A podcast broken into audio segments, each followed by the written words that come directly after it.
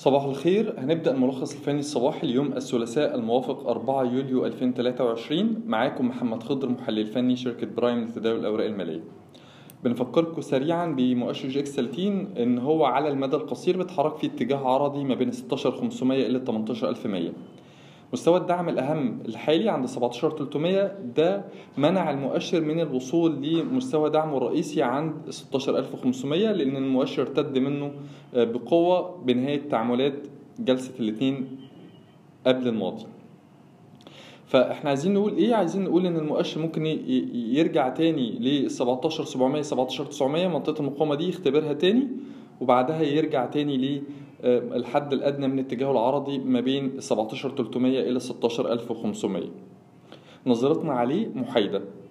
بالنسبة لمؤشر جي إكس 70 فهو مستمر في التحرك اعلى مستوى دعمه. المهم عند ال 3450 وده بالنسبة لنا إيجابي. إيجابي ليه؟ لأن هو بيدعم استمرارية الاتجاه الصاعد على المدى القصير وبالتالي بيدعم إعادة اختباره لمنطقة المقاومة القوية ما بين ال 3677 إلى ال 3770 ملاحظات التداول النهارده أول حاجة بنفكركم بيها اللي هي سيرة للتعليم.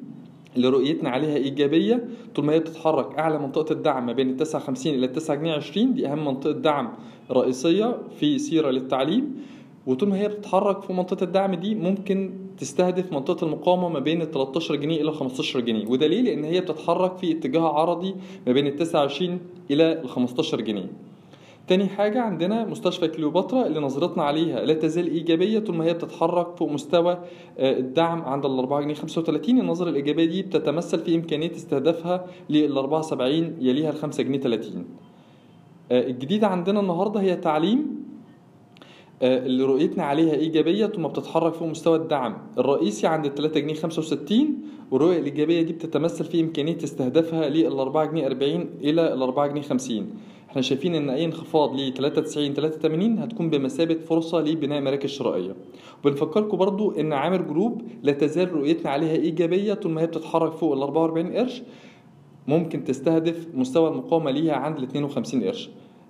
الأربع توصيات دول دول توصيات مدى قصير. شكرا.